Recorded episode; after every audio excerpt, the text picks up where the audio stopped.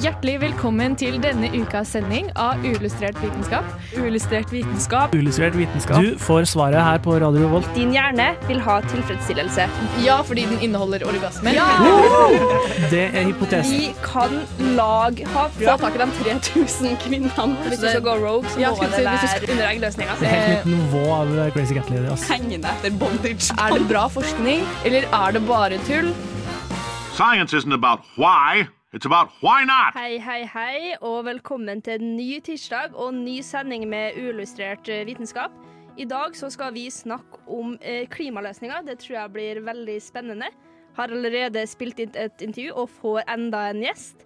Eh, ja, og jeg heter da Ida, og med meg i studio så har jeg Eh, Det er bare meg og Bård. Hallo. Navnet mitt er Emil, da. Vi er, ja. vi er ganske få i dag, da.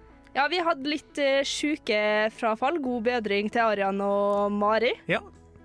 Nei, Det blir, det blir jo spennende likevel. Vi har jo eh, flere ting, og vi har jo faktisk eh, ja, to intervjuer, som du sa. Ja, vi skal ha et om eh, myr og klimalagring, og så et eh, intervju eh, om klimafangst. Skulle jeg til å si. Det heter jo ikke klimafangst. Karbonfangst. Akkurat karbonfangst skal vi snakke om. Eh, ja, og jeg tror kanskje vi bare skal begynne med å høre en eh, låt allerede nå. Vi skal høre Kristoffer Nord Unstad med 'Lenger, men ikke hit'. Visste du at hud kan bli til sæd? Bare på uillustrert vitenskap.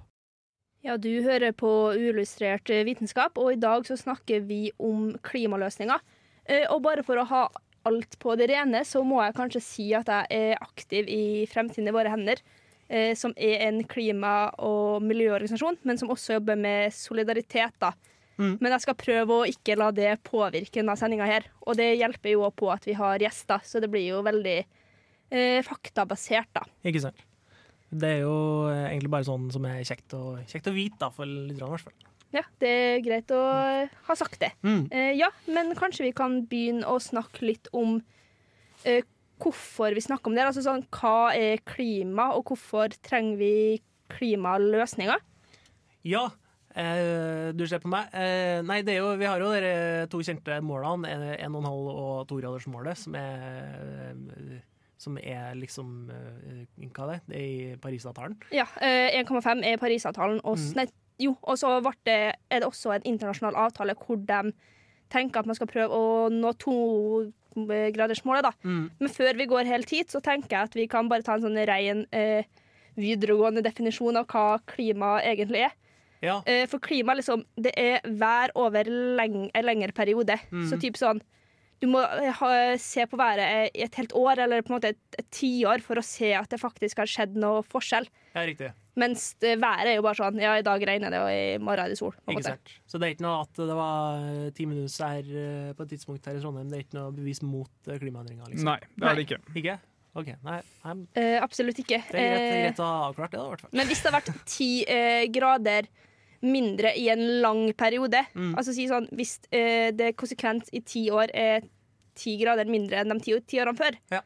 så kan du jo si at det er imot, men det kan jo også på en måte ha vært Når det blir global oppvarming, så betyr det ikke at alle steder vil få eh, At alle steder vil få eh, høyere temperatur. Noen plasser vil det bli andre utfall. Sånn typ, I Norge vil vi mest sannsynlig få masse styrtregn. Ja.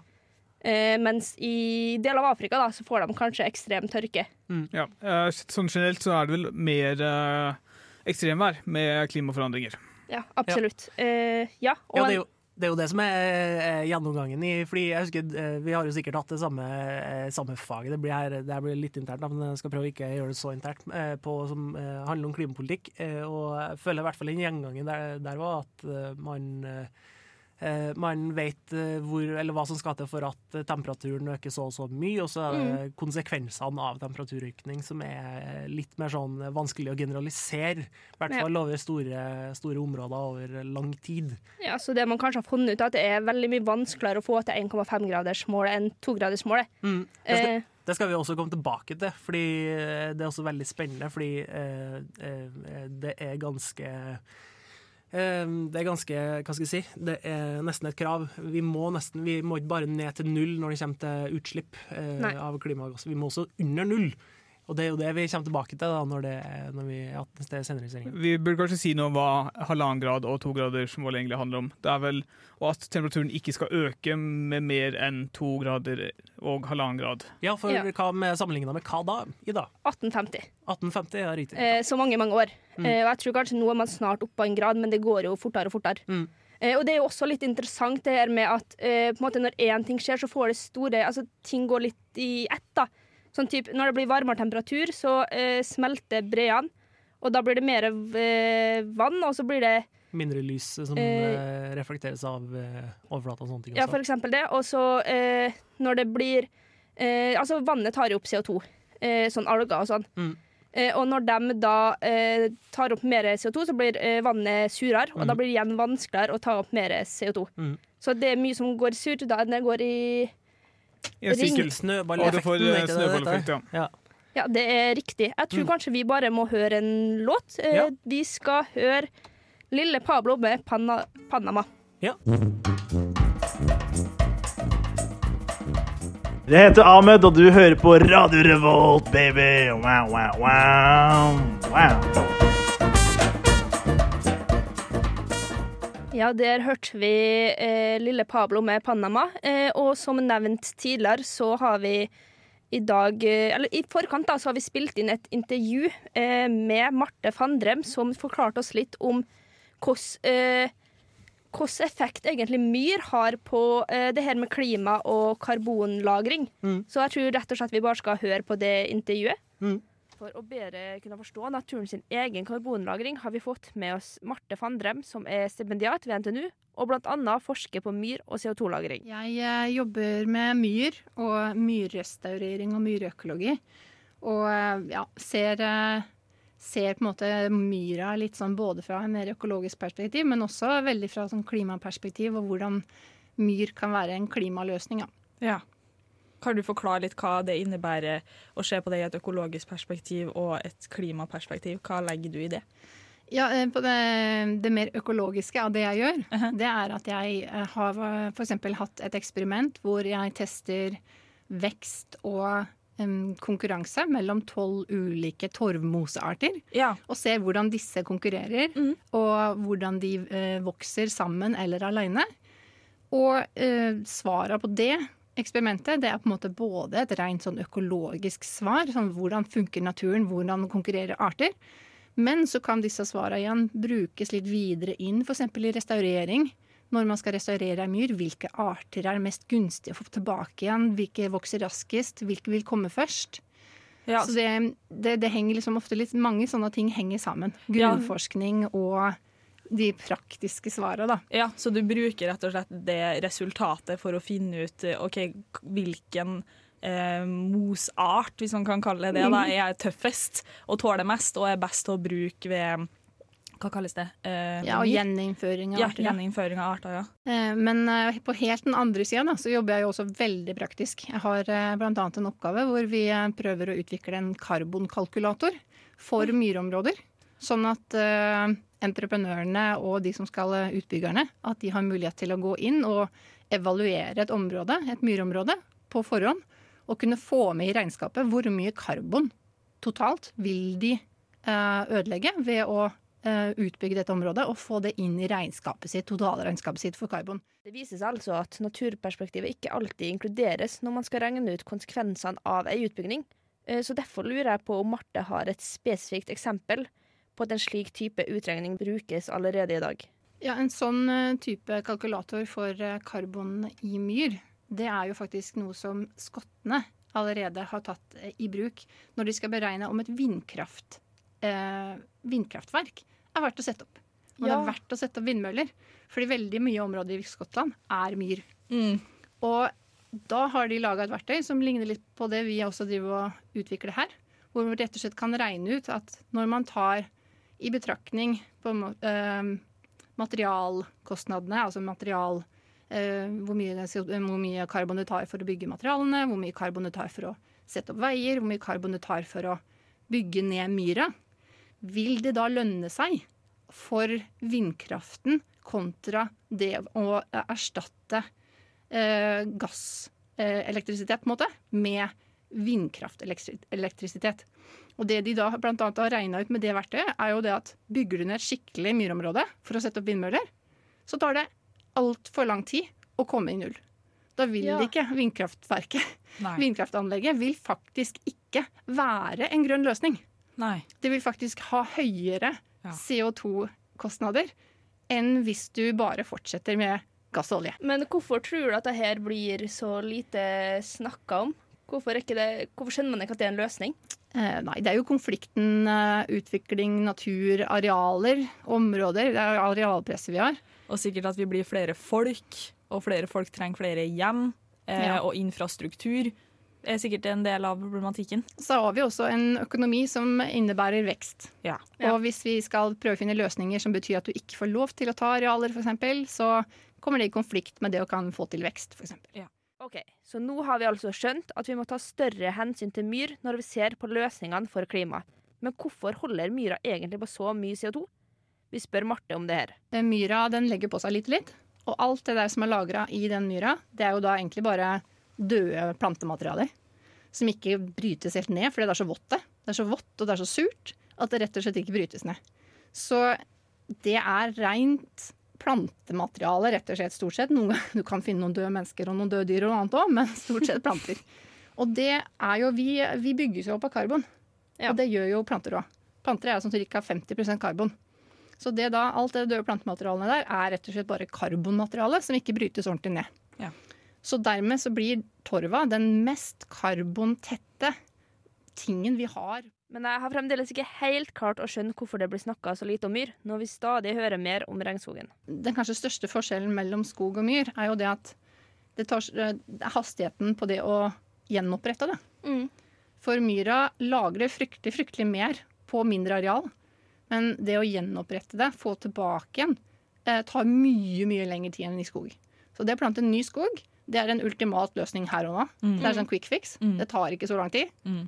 I hvert fall i en biologs hjerne så tar det ikke så lang tid. Sier du 50 år, så har det liksom skjedd noe. Ja, ja, ja. Men på 50 år på ei myr så har det ikke skjedd fryktelig masse. Men når det er sagt, så er det jo sånn at det å restaurere myr har fortsatt veldig veldig mye for seg. For vi har ødelagt mye myr rundt omkring i verden. Bare tenk på alle disse historiene om palmeoljeplantasjer i tropiske områder, f.eks. Stort sett på myr. Og um, det, det, er liksom, det er en dårlig trend der. Veldig dårlig trend. Og man antar jo, eller kalkuleringa i dag er sånn at man sier at det som slippes ut fra ødelagt myr verden over, som ligger der og er ødelagt, det er tilsvarer omtrent 5-6% av de menneskeskapte utslippa. Det er tre ganger så mye som flytrafikken. Oi. OK. Men er det her totalt, eller altså, fortsetter det å være det samme hvert år? Det er samme hvert år. Altså hvis du skal tenke årlig utslipp. Så dermed så er det her faktisk en ganske viktig faktor i klimaregnskapet. Mm. Eh, man har jo de siste åra begynt å snakke om det man kaller naturbaserte klimaløsninger. For det er jo veldig typisk når man snakker om klimaløsninger, at man tenker å, teknologi. Her må vi inn med noe fancy teknologi. Ja. Vi må snakke om eh, store, fancy maskiner som skal fange CO2, eller på en måte endre hvordan vi slipper ut ting. Hydrogenmotorer. Ikke? Mm. Vi snakker mye om teknologiske vinninger. Og så har man glemt litt at naturen fikser faktisk veldig mye på egen hånd. Ja, absolutt. Og eh, man anser jo f.eks. at rundt 50% av de menneskeskapte utslippene for de siste 100 åra har jo blitt bøfra av naturen. Ja. Og jo mer vi ødelegger av naturen, jo mindre blir den bufferen. Vi begynner å nærme oss slutten av intervjuet med Marte, men før vi avslutter, så har hun et siste poeng som jeg syns er viktig å få med her. Tenk deg å gå på ski uten å få åpne glenner mellom trærne, sier jeg. Det er myra. Det er nesten alltid myra du går på da, når det åpner seg opp i landskapet. Ikke sant. Det var sykt bra oppsummering. Der traff du mange norske hjerter, og det er det vi vil gå for. Tusen hjertelig takk for at du kunne komme. Ja, takk til Marte Fandrem for at hun stilte opp og ble intervjua. Jeg syns hun hadde veldig mye interessant å si, egentlig. Ja, det er jo spennende med det her med hvordan de Altså at eh, når, hvis du bygger et eh, vindkraftverk på myr, så går ikke Da går ikke pluss lenger. Nei, det, Det er karbonregnskapet, liksom. da må man liksom Altså, jeg tror det er så lett å se bort ifra myra, da, fordi at man hører jo ikke alltid om den. Det er ikke sånn, Jeg visste ikke jeg at eh, myr tar opp masse, eller har masse CO2 i seg før, før hun sa det, på en måte. Nei, og så er det det med at det tar, eh, kan holde på mye, mye mer enn skogen. Da. Ja, Det er også det veldig det. spennende. Er det. Skal vi høre en uh, låt, rett og slett? Eller skal vi kjøre det etterpå? Vi kan, eh, vi kan kjøre det med en gang, tror jeg. Vi hører en låt. Vi hører Mallgirl med 'Poolside Person'. Illustrert vitenskap er dritkule. Det Dere er det beste programmet ever. I love you guys.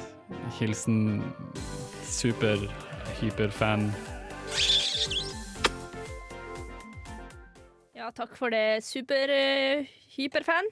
Eh, ja, eh, du hører på Uillustrert vitenskap, som sagt, og i dag så snakker vi om klimaløsninger. Og det er jo litt fint det her med å på en måte skjønne mer av hva som må gjøres, da, utover det å bare slutte å fly så mye og spise mindre kjøtt, på en måte. Mm. Og så er det jo også et uh, Vi har jo snakka noe om myr, og så skal vi jo Vi venter jo en gjest til. Eh, Det så gjør vi. det er jo det som går igjen her med de løsningene eh, Ja, både egentlig myr og det vi skal intervjue Vanja om etterpå.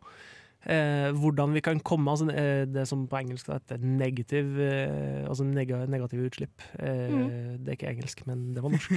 Jeg hørte det akkurat. Eh, ja, nei, eh, så det er, jo, det er jo den røde tråden gjennom det vi har snakka om nå. Ja, jeg tror også det blir veldig interessant. Som sagt, så skal jo hun, hun er doktorgradsstudent da, og forsker på eh, karbonfangst med Mm. teknologiske løsninger. Og det tror jeg kan bli Jeg tror det blir kult. Og før vi får besøk av henne, så skal vi høre en låt. Vi skal høre Cold Molly Man med Squeeze. Hi, this is Grant Sanderson from the YouTube channel 3 Blue 1 Brown, and you're listening to Unillustrated Science. Ja, det stemmer. Du hører på Uillustrert vitenskap, eh, og i dag så snakker vi om klimaløsninger. Og nå har vi fått en gjest inn i studio. Vanja Bubik, hallo. Hei.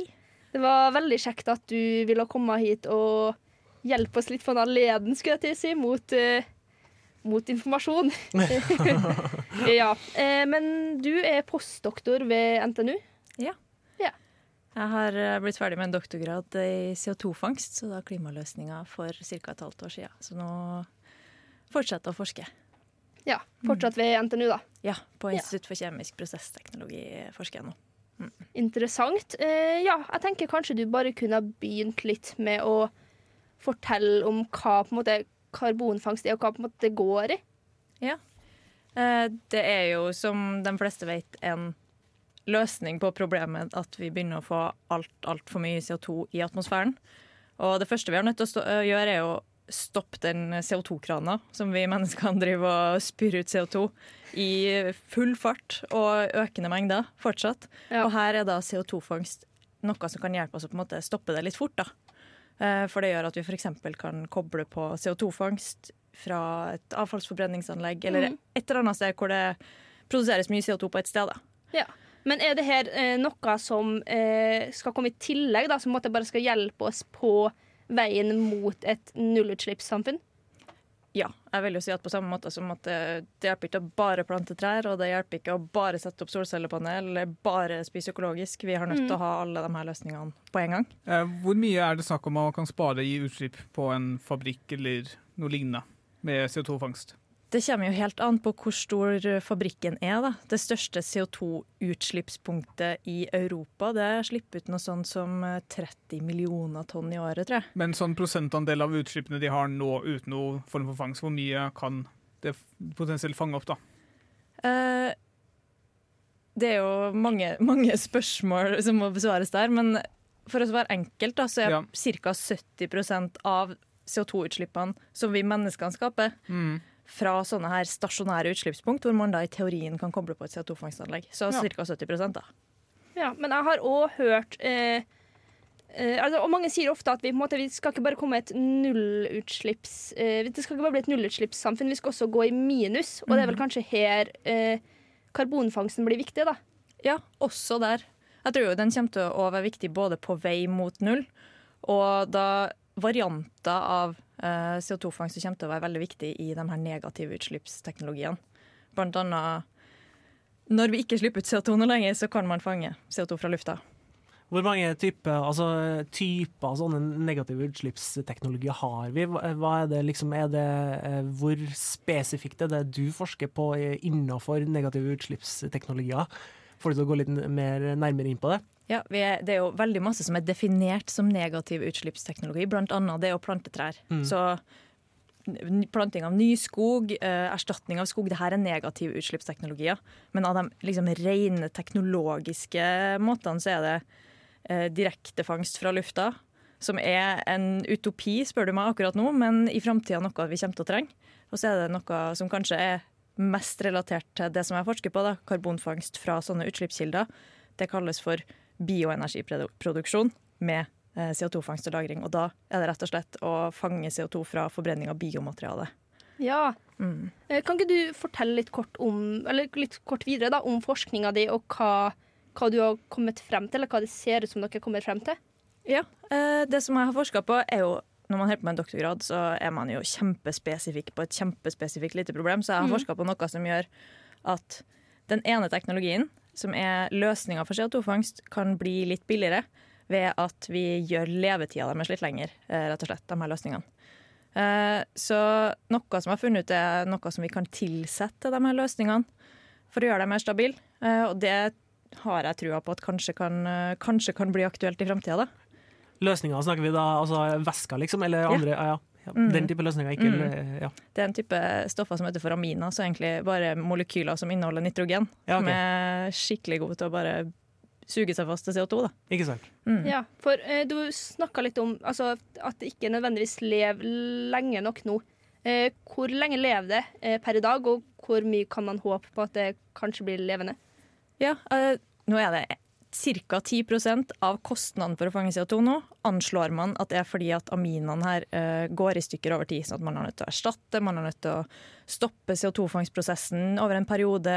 Kanskje så skaper det her uh, degradering av korrosjon eller problemer ved å operere, eller ja, uh, holde i drift CO2-fangstanleggene. Så det er 10% av kostnaden vi kan spare, sånn cirka. Og så er det veldig forskjellig fra sted til sted eh, hvor lenge aminer kan være i drift. Noen steder så så har man kjørt, brukt dem i tre år i stor skala uten at det har vært noe problem. Andre steder så har det tatt tre måneder, og så har man allerede merka at nå, nå begynner kapasiteten til å fange CO2 å gå ned. Så Hvordan eh, går det an å bytte ut Eller eh, hvordan, eh, hvordan bytter man ut eh, Eller hvordan funker det? Eh, det finnes litt forskjellige måter å gjøre det på. Enten så kan du bare ta, ta ut alt og kjøpe nytt amin, skulle si. Ja, riktig, ok. Eller så finnes det metoder for å, å ta ut de forurensningene som oppstår. Da. Altså Ja. sånn degraderingsprodukt. Det her er jo Nei, eh, det her er veldig interessant. Jeg tenker vi må snakke mer om det. Men først skal vi høre ei lita låt. Vi skal høre Loli Lexus med 10K. Signing the Paris Agreement is the worst way to celebrate Earth Day. As, a, as an atmospheric gas, it's a plant nutrient. So Obama's talking about all of this with the global warming and that, and a lot of it's a hoax. It's a hoax. Miljø er et sykt viktig tema å ta stilling til. Og det kan du gjøre her, på Uillustrert vitenskap. Ja, det stemmer. I dag så snakker vi rett og slett om eh, klimaløsninger. Og vi har med deg som gjest, Vanja, som eh, hjelper oss å forstå litt om hvordan teknologien da kan få eh, samfanga eh, CO2. Eh, og i stad så var du jo litt inne på at vi er ganske langt unna å kunne eh, fange fra lufta. Det er vel Mhm. mest det som måtte slippes ut her og nå, som det er lett å håndtere. Mm. Eh, men hvor langt unna å fange CO2 fra lufta tror du vi er? Egentlig så går det jo fint å fange CO2 fra lufta også. Eh, Det finnes masse teknologier som fungerer for det også. Eh, Men for det første da, så kan dere tenke på at det er ca. 250 ganger høyere konsentrasjon CO2 fra f.eks. For et forbrenningsanlegg, som vi har massevis av i verden, eh, enn det i lufta. Så hvis du da skal fange ut, eller filtrere ut CO2 fra så tynn konsentrasjon, så skal du, du skal filtrere ganske mye luft. Og I tillegg så er det en veldig energikrevende prosess. Eh, Det involverer gjerne store vifter som pumper masse ja, CO2 i veldig tynn konsentrasjon gjennom denne CO2-fangstanleggene. Hvis du da, Så lenge vi slipper ut CO2 fra utslippspunkt, så syns ikke jeg det gir så veldig mye mening å begynne. Og, og, og i hvert fall i storskala fang fra lufta. Men er det noe håp for en eh, lite energikrevende eh, passiv innsamling av karbon i, fra lufta f.eks., eller er det helt utopi det også? Eh, selvfølgelig kan du fange rett fra lufta, det er bare det at akkurat nå, som vi slipper ut så sinnssykt mye CO2 Ja, mm. allerede, så er det på en måte ikke der det brenner. Nei. kan du si. Ja. Men i framtida så tror jeg det kommer til å være veldig viktig at vi får til å fange CO2 rett fra lufta også. I hvert fall når Mm. vi har kvitta oss med de her store utslippspunktene. Ja, for det er jo noe som er ganske interessant med det her med klimautslipp, da, som vi ikke kom helt inn på i stad. Eh, Men eh, jorda er jo på en måte Eller jorda klarer å ta opp en del CO2 av seg Mm. sjøl. Men det er når vi begynner å eh, produsere masse, masse ekstra, at det Mm. blir et problem. Men det må vel Altså Hvis man da i fremtida skal ta fra lufta, er det det som allerede er sluppet ut, men som vi ikke Mm. har klart å tatt enda? Mm. Det var jo noen forskere som på starten, når man begynte å snakke om eh, klimaendringene, at, som sa at det var 350 ppm cirka, som var det optimale konsentrasjonen av CO2 i atmosfæren. Vi burde ikke overskride den over på 412 ppm. Så det er jo for å komme ned dit som vi burde være, da. Ja. Ja. Mm. Jeg har sett den der eh, grafen på eh, altså utslipp på over tid, og hvor, hvor den er på vei, og hvor vi må for å Det ser Mm. ganske, ganske deprimerende ut. Den, for, å, for å gi et bilde, da, så ser den ut som en ganske spiss fjelltopp. Det gjør den. Ja. De kaller det for uh, hockeykøllegrafen. Ja, ikke sant? Ja, ja, riktig. Ja, men det, det, Det var mening. flat over lang tid, og så gikk det rett opp. Ja, for du som forsker, hvor, hvor sannsynlig tror du at det er at vi klarer å nå 1,5-gradersmålet? Det var kanskje litt vanskelig spørsmål, men uh, du som person, da?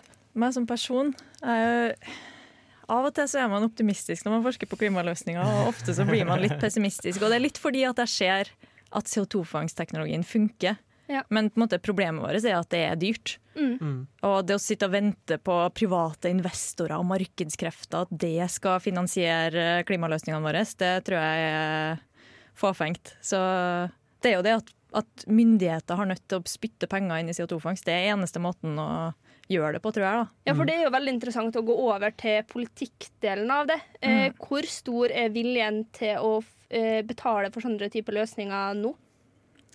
Det er mer og mer vilje. Eh, vi har jo Langskip-prosjektet i Norge som nå eh, i fjor eh, gikk inn for fullskala CO2-fangst og -lagring i Norge. Mm. Men jeg syns man kunne satsa enda litt mer, da, med tanke på hvor, eh, hvor mye det egentlig haster å Ja. kutte utslipp. Eh, for er det eh, primært landene sjøl som driver med det, eller det er ikke noe internasjonale samarbeid? Det er veldig mye internasjonale forskningssamarbeid. Så det, det er veldig lovende. Det er veldig mye kunnskap der ute. Mm. Men problemet er at noen har nødt til å betale for det. Og det er ingen som driver med å redde klimaet som er stinn av gryn. Nei. Så eh, viljen er da kanskje problemet, og ikke teknologien? Ja, og så tror jeg jo at myndigheter er litt redd for å satse på det, for de er jo redd for at det var feil, det var feil valg, det var feil løsning. Eh, til tross for at nå bevisene peker mot at CO2-fangst funker, og IPCC sier det, FN sier det, vi har nødt til å ha CO2-fangst og -lagring hvis vi skal nå klimamålene våre. Så er, det, er folk redd for å være, eller alle land er redd for å være den første, da, for da har du jo mest risiko. Når noen har gjort det før, så føles det litt tryggere. Ja, Nå hører nok ikke Ola Borten Moe på, men hvis du mot formodning hører på, så ta dere sammen. Eh, Du, du nevnte det Langskip-prosjektet og lagring av CO2. Hvor Mm. er det CO2 lagres her i Norge nå? Det er på bunnen av Norskehavet. Ja. mm. Hvordan kommer den seg dit? Eh, Det, tanken er skipstransport, men det er også noe rør, rørtransport. Mm. Eh, Vi lagrer jo Vi har kapasitet til å lagre 1,7 millioner tonn CO2 i året med den eksisterende infrastrukturen. Og vi har allerede lagra siden starten av 90-tallet, så det Ja, det har man jo kanskje ikke hørt så mye om at man var så tidlig ute.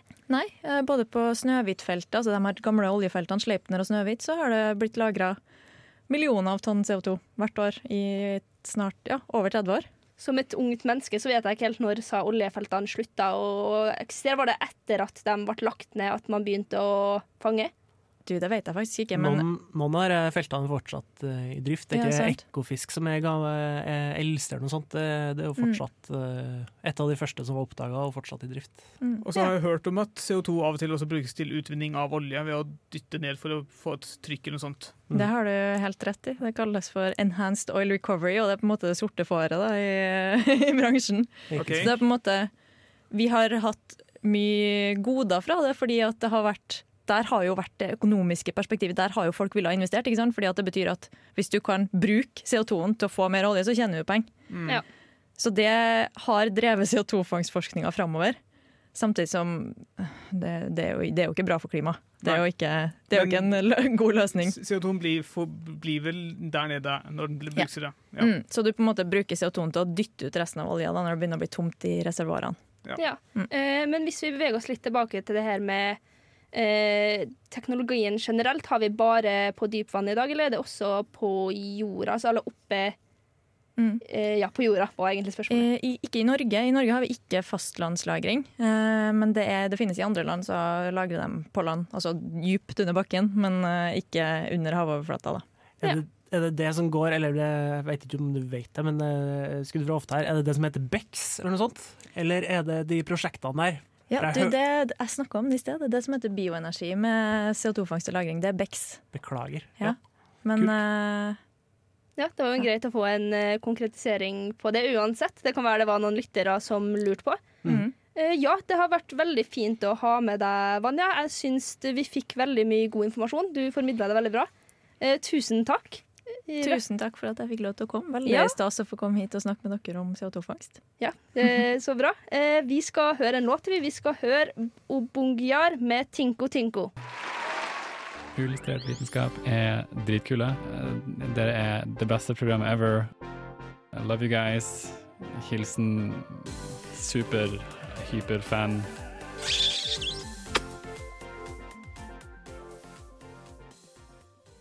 Ja, det var hyggelig. Super-megafan for andre gang i dag. Har vi fans? Vi det er har- gøy å høre, ass! Det er gøy.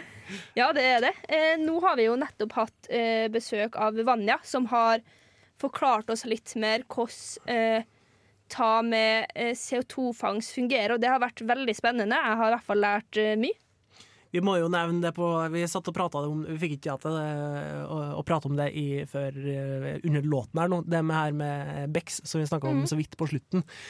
Fordi eh, formatet på det vi snakka om, det at eh, formatet på det, eh, hvis vi skal eh, kjøre det i en sånn skala sånn at det har noe Altså at det er at det hjelper på å nå, nå målene, liksom, at det er tilstrekkelig. Det er jo eh, Det er helt vilt. Jeg tror jeg har et gammelt eh, tall eh, fra, som er type én til to ganger arealet av India, og sånn, som er bare helt vilt.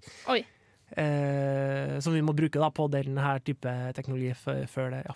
Så kan det jo være at det har blitt endra litt med nyere tall. Eh, Det kan jo det. det kan jo det. Ta det med en klype salt, men eh, sizen, altså størrelse Formatet er ganske heftig, i hvert fall. ja, det sier noe om hvor mye, hvor mye som skal til, og det er kanskje derfor det er så gunstig å ha det på havbunnen, da, som Ja. hun var litt eh, inne på i stad. Ja, Kan ja. jeg kanskje se for meg. Jeg må også faktasjekke det, det om det er, faktisk er Ekofisk som er det eldste feltet, oljefeltet i Norge, men det, Det er sikkert greit. Eh, men kanskje vi skulle bare Altså Nå begynner vi jo å nærme oss eh, slutten av sendinga, men mm. kanskje vi bare skulle tatt litt kort om på en måte eh, det politiske i det her. Tror vi at vi kommer til å nå Tror vi at vi kommer til å nå 1,5-gradersmål, eller er to grader mer realistisk? Oi.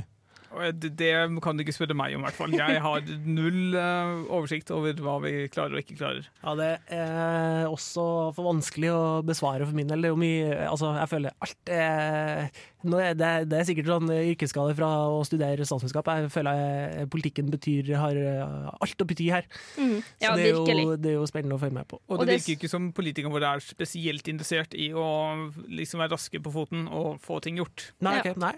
Nei, det virka jo ikke helt sånn. Jeg tror bare sånn Helt avslutningsvis så skal jeg bare ta noen få fakta på en måte om hva som er forskjellen da eh, på Ja. 1,5-gradersmålet og eh, 2-gradersmålet. Ja, det er kjekt. Eh, for vi ser at hvis vi eh, skal opp i to, så blir det større sannsynlighet for styrtregn, altså mer styrtregn hos oss.